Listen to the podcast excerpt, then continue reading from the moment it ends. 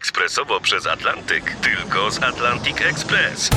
Z nami wyślesz co chcesz, kiedy chcesz, do kogo chcesz i to o 40% taniej. W Atlantic Express wysyłamy wszystko, co chcesz. 1 800 775 7363. Mienie przesiedleńcze, kontenery, paczki do Europy. Atlantic Express to 30 lat doświadczenia i o 40% niższe ceny na wysyłki kontenerów, samochodów i paczek. Ekspresowo przez Atlantyk tylko z Atlantic Express. Uwielbiam polować, chodzić po ulicach w poszukiwaniu jakiegoś świeżego mięsa. Pytany dlaczego zabijał, powtarzał: To było spotkanie z Bogiem albo z szatanem. Sceny zbrodni w RMFFM. Tak liczę te nasze wszystkie odcinki i ich wychodzi mi na to, że dzisiaj będzie taki matematyczny odcinek.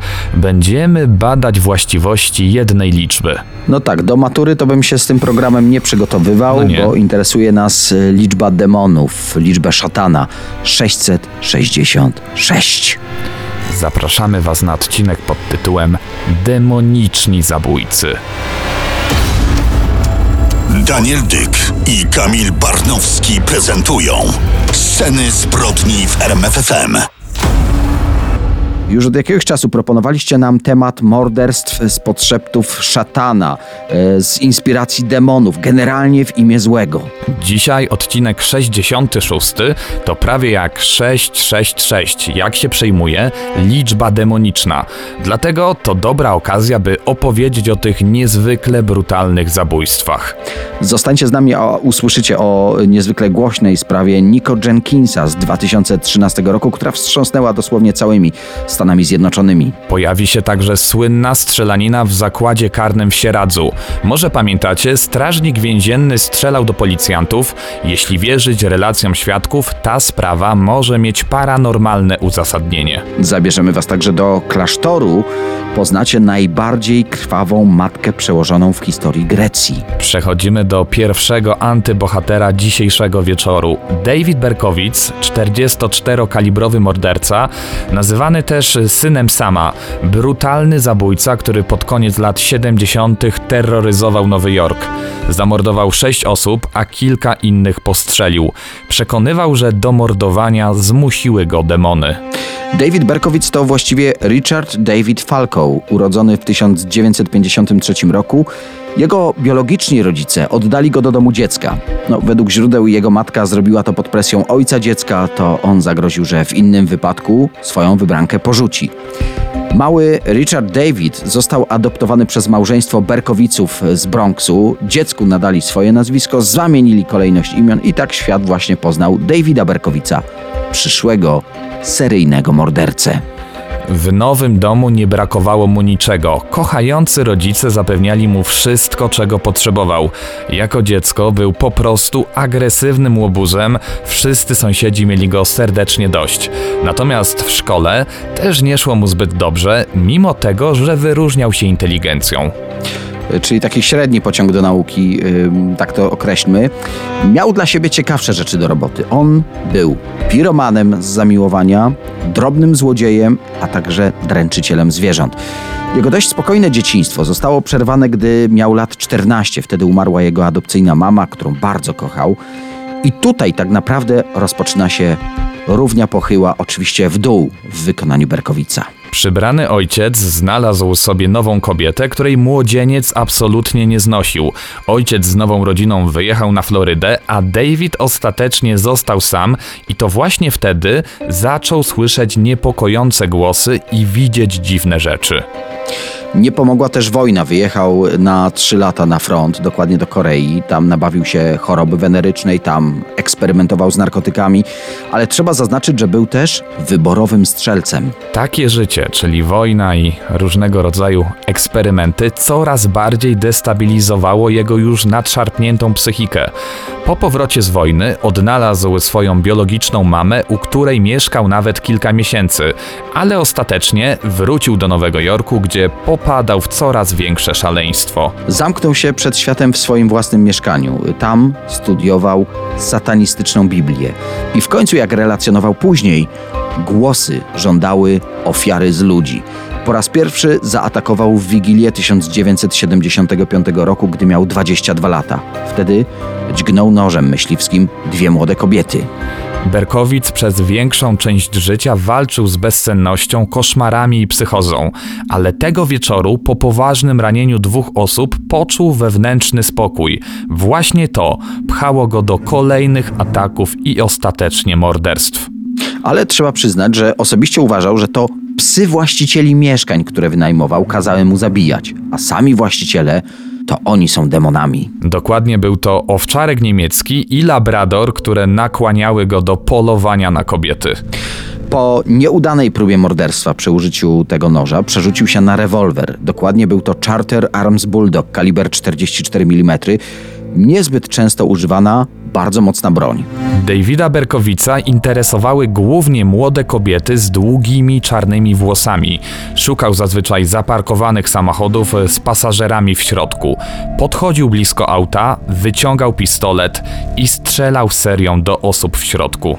Właśnie w taki sposób zamordował pięć kobiet i jednego mężczyznę. Jego morderczy szał trwał rok. Polował zawsze późnym wieczorem lub nad ranem. Czuł się tak pewnie, że wysyłał listy do policji, a nawet do lokalnej gazety Daily News. Zresztą mamy przed sobą nawet treść listu, który wysłał do prokuratora, który prowadził właśnie to śledztwo. Uwielbiam polować, chodzić po ulicach w poszukiwaniu jakiegoś świeżego mięsa. Kobiety z Queens są najpiękniejsze ze wszystkich. To pewnie przez tę ilość wody, które piją. Żyję, aby polować. Ciągle fantazjował na temat swojej pierwszej ofiary, dokładnie 18-letniej Dony Lori, którą zamordował 26 lipca 76 roku. Był przekonany, że kiedyś tam w zaświatach ją poślubi. Do sprawy włączono około 200 detektywów. Śledczym za złapanie seryjnego zabójcy wyznaczono nagrodę. Trzeba przyznać, że w mieście panowała prawdziwa psychoza strachu. Nikt nie mógł przecież wiedzieć, kiedy morderca uderzy ponownie. Nowy Jork to duże miasto, więc dużo strachu. Detektywi więc y, no, dołożyli starań. Połączyli wszystkie ofiary z seryjnym mordercą, a to dzięki pistoletowi, temu charakterystycznemu, którego używał Berkowic. Był to zawsze ten sam rewolwer kaliber 44. Dodajmy do tego jeszcze bardzo dobrze wytypowany profil psychologiczny mordercy. Śledczy wiedzieli, że poszukiwany jest schizofrenikiem, prawdopodobnie schizofrenikiem paranoidalnym, który sam siebie uważa za demona. Oprócz tego było też kilku świadków, postrzelenie psa właściciela, u którego mieszkał, listy z pogróżkami do tych właścicieli, a zupełnym potwierdzeniem tych podejrzeń był znaleziony w miejscu zabójstwa mandat za złe parkowanie należący do Berkowica. To wszystko doprowadziło śledczych do mordercy. Finalnie został aresztowany w policyjnej obławie. Syn sama, jak sam siebie określał David Berkowicz, trafił w ręce policji dokładnie 10 sierpnia 1977 roku. Ponad 2,5 roku od pierwszego ataku w Wigilię 75. W trakcie aresztowania pracował w firmie taksówkarskiej. Powiedzmy, że podczas śledztwa przyznał się do wszystkich morderstw i usiłowania zabójstw. Dodatkowo stwierdził, że odpowiada za blisko 1500 pożarów wznieconym w Nowym Jorku. Mówił też, że tak naprawdę cieszy się z tego, że trafi za kratki, bo demony nie dawały mu już spokoju. David Berkowicz nie został skazany na karę śmierci wyłącznie dlatego, że według sądu był chory psychicznie. Ostatecznie wyrokiem sądu było 365 lat więzienia. I tutaj w tej historii będzie plot twist. W 1979 roku przeżył życiową przemianę. To wtedy jakimś cudem udało mu się uniknąć śmierci po ataku współwięźnia, który próbował go zamordować. Wyobraźcie sobie, Berkowicz stał się wtedy bardzo wierzący i został nawet wyświęcony na kapłana. Oprócz tego skończył studia, napisał autobiografię, ma swoją stronę internetową. No, można powiedzieć taki celebryta za krat. Wszędzie przekonywał, że jest świadomy tego, jak wiele cierpień wyrządził swoim ofiarom, ich rodzinom i że bardzo tego wszystkiego żałuje. Ale tak naprawdę kto wie, ile w tym jego nawróceniu, w tym żalu za grzechy jest prawdy. W trakcie jednego z wywiadów przyznał, że cała ta historia z demonami była wymyślona na potrzeby tylko tego, aby uniknąć kary śmierci. Według tej wersji miał zabijać, bo sprawiało mu to olbrzymią satysfakcję. David Berkowicz, 44-kalibrowy morderca, terroryzujący no przede wszystkim Bronx. Ma aktualnie 67 lat i odsiaduje swój wyrok w więzieniu Sullivan w stanie Nowy Jork. Jeśli rzeczywiście wyłącznie symulował chorobę psychiczną, no to jest jednym z najskuteczniejszych manipulatorów w historii. No to tak na koniec powiedzmy jeszcze o co chodzi z tym samym, którego synem był Berkowic. Ten sam to ktoś, kto włada demonami, który kazał Berkowicowi mordować, ale w więzieniu zmienił ten pseudonim na Syna Nadziei i właśnie prosił, żeby tak się do niego zwracać. Daniel Dyk i Kamil Barnowski prezentują Sceny zbrodni w RMFFM.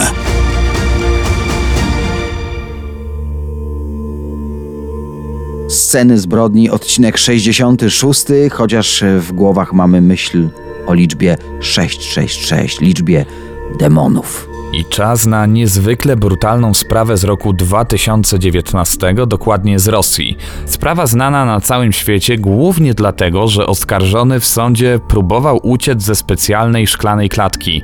Trzeba przyznać, prawie mu się to udało. Ostatecznie strażnicy musieli użyć pałek i paralizatora. Ale od początku, bo tutaj finał, jak przebił ten szklany sufit, yy, zaczęło się w 2019 roku, 9 grudnia, ulica Samuil Marszak, przedmieścia Moskwy. Na korytarzu jednego z bloków znaleziono zamordowaną kobietę. Była naga, na jej ciele namalowano krwią satanistyczne symbole. Sąsiedzi bardzo szybko zauważyli, że znalezioną kobietą jest znana im 21-letnia Ari de Korol. Dziewczyna mieszkała w tym bloku razem ze swoim młodszym bratem, 18-letnim Leonidem Greiserem. Według rosyjskiej prasy brat zamordowanej odprawiał tajemnicze modły w momencie zatrzymania. Był bez ubrania i przekonywał, że do tego morderstwa zmusił go sam Lucyfer.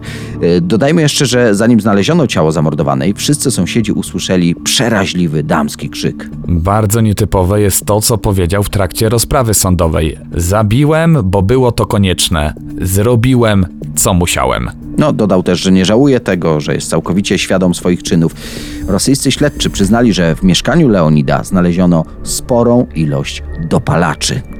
Finał tej sprawy był taki, że 18-letni morderca został uznany przez sąd za niepoczytalnego i odesłano go na leczenie do szpitala psychiatrycznego. Bardzo głośną sprawą y, też z ostatnich lat jest przypadek Nico Jenkinsa z Omaha w stanie Nebraska. Jenkins w morderczym szale w sierpniu 2013 roku zabił cztery osoby. Zrobił to tak naprawdę w przeciągu zaledwie 10 dni. On przyznał się do wszystkich zbrodni i przekonywał, że był to rozkaz starożytnego boga Apopfisa. W egipskiej mitologii jest to symbol sił zła i ciemności. Podczas rozprawy Jenkins wył, mówił nieznanymi językami i śmiał się, gdy sędzia wspominał imiona jego ofiar. W listach do prokuratora pisał: Będę chronił królestwo Apofisa za pomocą zwierzęcej, dzikiej brutalności. Według specjalistów Nico Jenkins udawał objawy psychotyczne, ale jednocześnie ma antyspołeczne zaburzenie osobowości. Ostatecznie w 2017 roku został skazany na karę śmierci i na 450 lat więzienia za nielegalne posiadanie broni, którą wykorzystał do morderstw.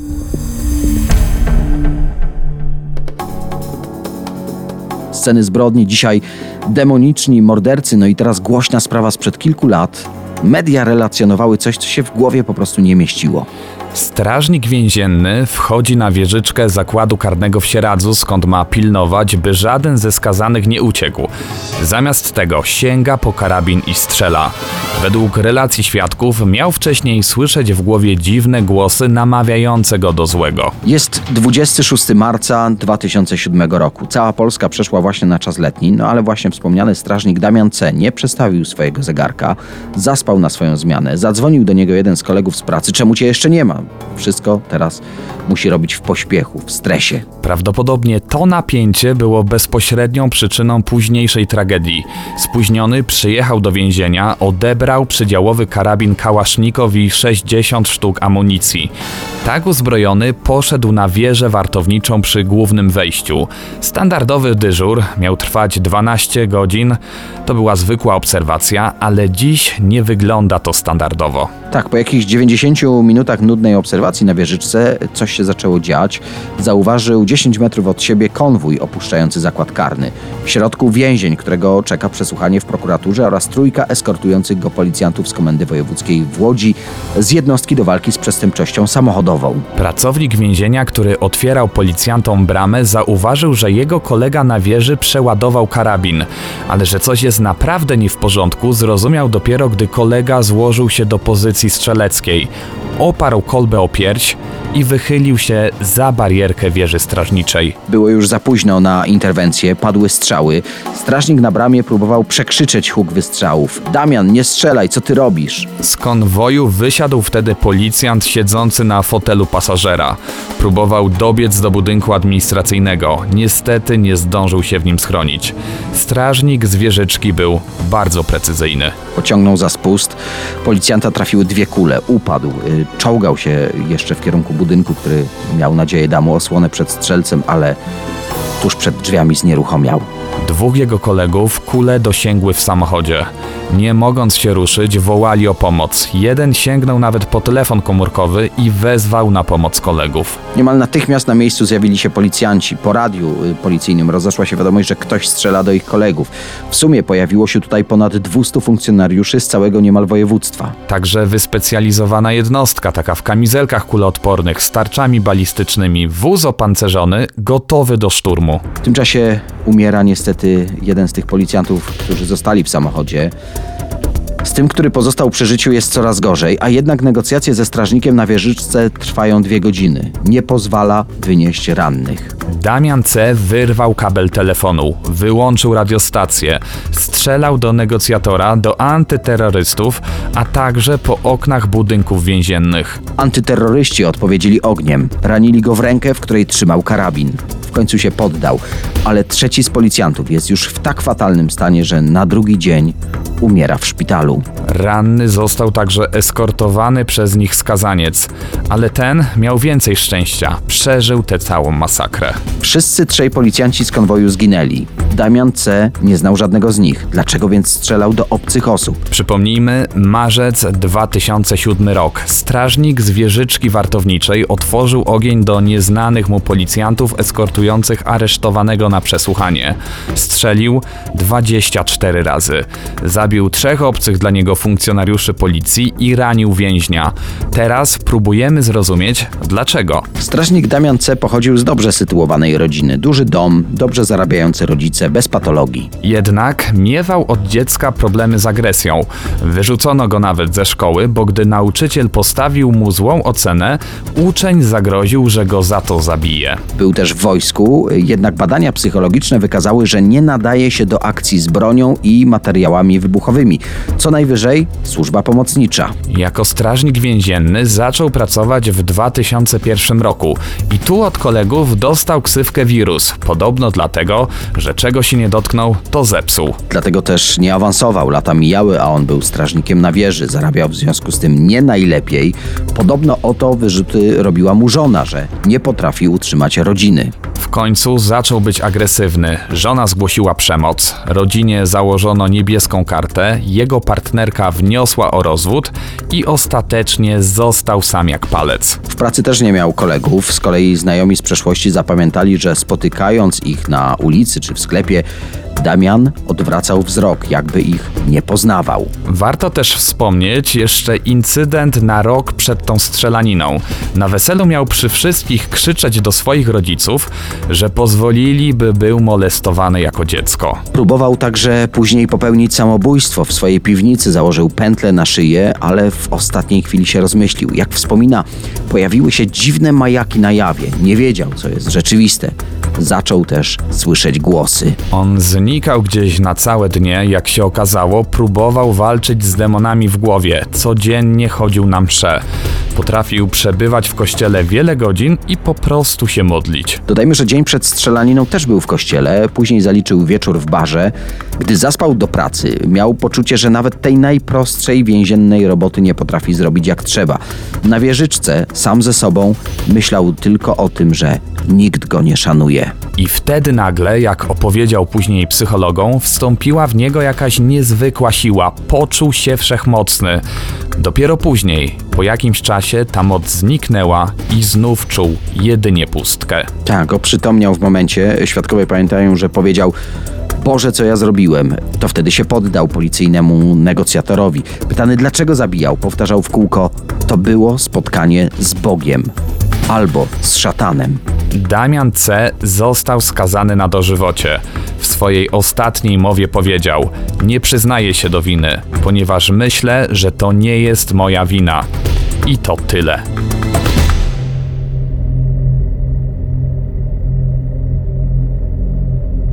Jeśli zastanawiacie się, skąd wzięły się inspiracje do powstania kilku horrorów z siostrami zakonnymi w roli głównej, to zaraz wszystko się wyjaśni. Mariam Soulakiotis, trudne greckie nazwisko, może dlatego media raczej nazywały ją kobietą Rasputinem. To mniszka grekokatolicka, matka przełożona klasztoru, którego nazwy nie jesteśmy w stanie poprawnie wymówić, chyba że spróbujesz. No dobra, spróbujemy. Prawdopodobnie to brzmi Manasteira Peuco Vuono Giastrisas. No i właśnie opadka tego wspomnianego klasztoru w 1952 roku została skazana na dożywotnie więzienie. Zmarła w nim dwa lata później w wieku 71 lat. No to znamy już koniec tej historii, poznajmy więc początek. Powiedziałeś koniec, no. Dzisiejsze przypadki w scenach zbrodni moim zdaniem wskazują, że śmierć to niekoniecznie koniec. Y, Ta historia też ma ciąg dalszy, ale rzeczywiście, może od początku. Mariam urodziła się w 1883 roku w Keratei w Grecji. To taka mała miejscowość 30 km od Aten. Niezwykle religijna dziewczyna wyrosła później na fanatycznie niemal religijną kobietę. Należała do ortodoksyjnej sekty Mateuszów, której y, nie uznawał główny nurt religii prawosławnej. Ona sama uważa, że to najwłaściwsza droga do Boga. Początkowo pracowała w fabryce, ale gdy miała 44 lata, wraz z arcybiskupem Mateuszem z Besteny, założyła klasztor w rodzinnej miejscowości. Gdy biskup zmarł, wtedy ona sama stanęła na jego czele. Miała ogromny dar przekonywania, rodzaj takiego właśnie magnetycznego wręcz fanatyzmu, któremu mało kto potrafił się oprzeć. Zachęcała kobiety do wstępowania do jej klasztoru. I co bardzo ważne, głównie te bardzo dobrze sytuowane kobiety. No właśnie, jeśli wierzyć zapiskom ze sprawy sądowej, gdy trafiały za mury opactwa, namawiała młode mniszki do wyzbywania się dóbr materialnych, przepisywania ich konkretnie na jej nazwisko, a ona wykorzysta to na potrzeby klasztorne. To jest właśnie jedyna droga do Boga. Nie wszystkie oczywiście robiły to chętnie i wówczas poddawane były presji, w końcu torturom, izolacja w ciasnych celach, głodzenie, bicie. Gdy w końcu przepisały cały swój majątek na siostrę przełożoną, część z nich zginęła w niejasnych okolicznościach. Dodajmy, że sam klasztor miał też niezwykle surową regułę. Obowiązywała pełna asceza, umartwianie się, posty przy każdej okazji, modlitwa zamiast snu, kary fizyczne, cierpienie w mękach. Wyrzekanie się po prostu wszelkich dóbr i luksusów. Mniszki nie były też leczone, w myśl zasady, że wszystko w rękach Boga. To samo dotyczyło dzieci, którymi siostry miały się opiekować. Za sprawą surowej opadki miało dojść do śmierci około 150 dzieci. Zmarły na gruźlicę, oczywiście wskutek zaniedbań. No właśnie, asceza, ubogie mniszki, a jednak gdy opadkę Mariam aresztowano w 51 roku, próbowano ustalić majątek, jaki przejęła i tam doliczono się około 300 nieruchomości na terenie całej Grecji, mnóstwo biżuterii i drogich kamieni szlachetnych, które przekazywały jej podopieczne. Majątek wyceniono na astronomiczne 150 tysięcy dolarów. Właśnie, pamiętajmy, to lata 50., wtedy to była prawdziwa fortuna. Wspomnieliśmy też o śmierci 150 dzieci pozbawionych celowo właściwej opieki medycznej, ale policzono także, że z ręki matki przełożonej wskutek tortur zmarło 27 osób. Różne źródła podają różną liczbę ofiar. No tak, amerykańska prasa zajmowała się zaginięciem turystki ze Stanów, która przyjechała do Grecji, wstąpiła do tego właśnie klasztoru, przekazała cały majątek i zaginęła bez wieści. I właśnie w amerykańskiej prasie pojawiły się informacje, że ofiar siostry może być nawet pół tysiąca. Ja trafiłem znów na informację, że miała znęcać się w sumie nad 177 młodymi kobietami, ale właśnie te 27 morderstw najczęściej się powtarza. Zabójstwo Oszustwa, zaniedbania, tortury, głodzenie. O to ją oskarżono. Dodajmy, że matka Soulakiotis wszystkim tym oskarżeniom zaprzeczała do końca swoich dni. Nazywała sądowe dowody szatańską fikcją. Właśnie na początku tej historii mówiliśmy, że zmarła za kratami w 1954 roku i wspominaliśmy, że to nie koniec jej historii. Tak, bo w 2008 roku klasztor znów wznowił działalność i przez jego najnowszych członków matka Mariam uważana jest za świętą, niewinną męczenniczkę. Jej kult trwa. No ja wspominałem, że dzisiaj będzie taki matematyczny odcinek, ale ten kalkulator, który masz, to się zupełnie nie przydał, no, bez Nie, nie, przesady. nie, mój drogi, przydał się, przydał, bo ja e, właśnie na nim policzyłem, że już za 7 dni pierwszy dzień wiosny. Także O. po raz ostatni nagrywaliśmy podcast zimą. Także za tydzień ściągamy te nauszniki, te szaliki, te płaszcze i będziemy nagrywali dla Was kolejny podcast w krótkich rękawach. I w Japonkach. Serdecznie Was na ten odcinek zapraszamy. Kamil Barnowski. I Daniel Dyk, do usłyszenia. Sceny zbrodni w RMFFM.